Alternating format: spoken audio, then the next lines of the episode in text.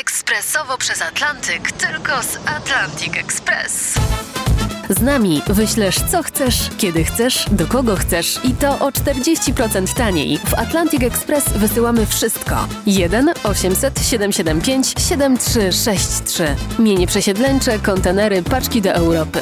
Atlantic Express o 40% niższe ceny na wysyłki kontenerów, samochodów i paczek. Ekspresowo przez Atlantyk, tylko z Atlantic Express. Mało kto dziś pamięta. Datownik historyczny prezentuje Maciej Korkuć.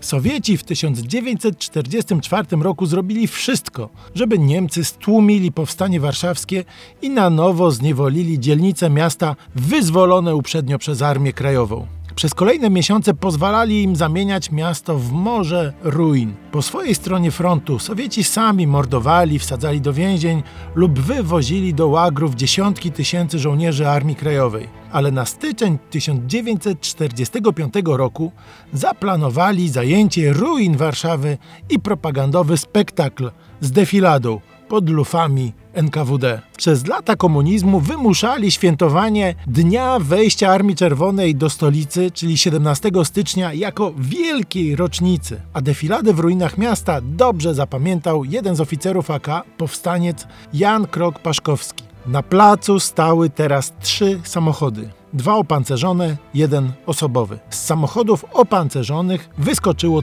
kilkunastu żołnierzy. Lufy ich pistoletów maszynowych skierowały się w kierunku polskiego tłumu. Z samochodu osobowego wyszło kilka osób w ciemnych cywilnych płaszczach i futrzanych czapach na głowie. Cywile weszli na trybunę, orkiestra zaczęła grać warszawiankę. Od strony Wisły ruszyła defilada. Patrzyłem na to widowisko z uczuciem zdumienia, wściekłości i żalu.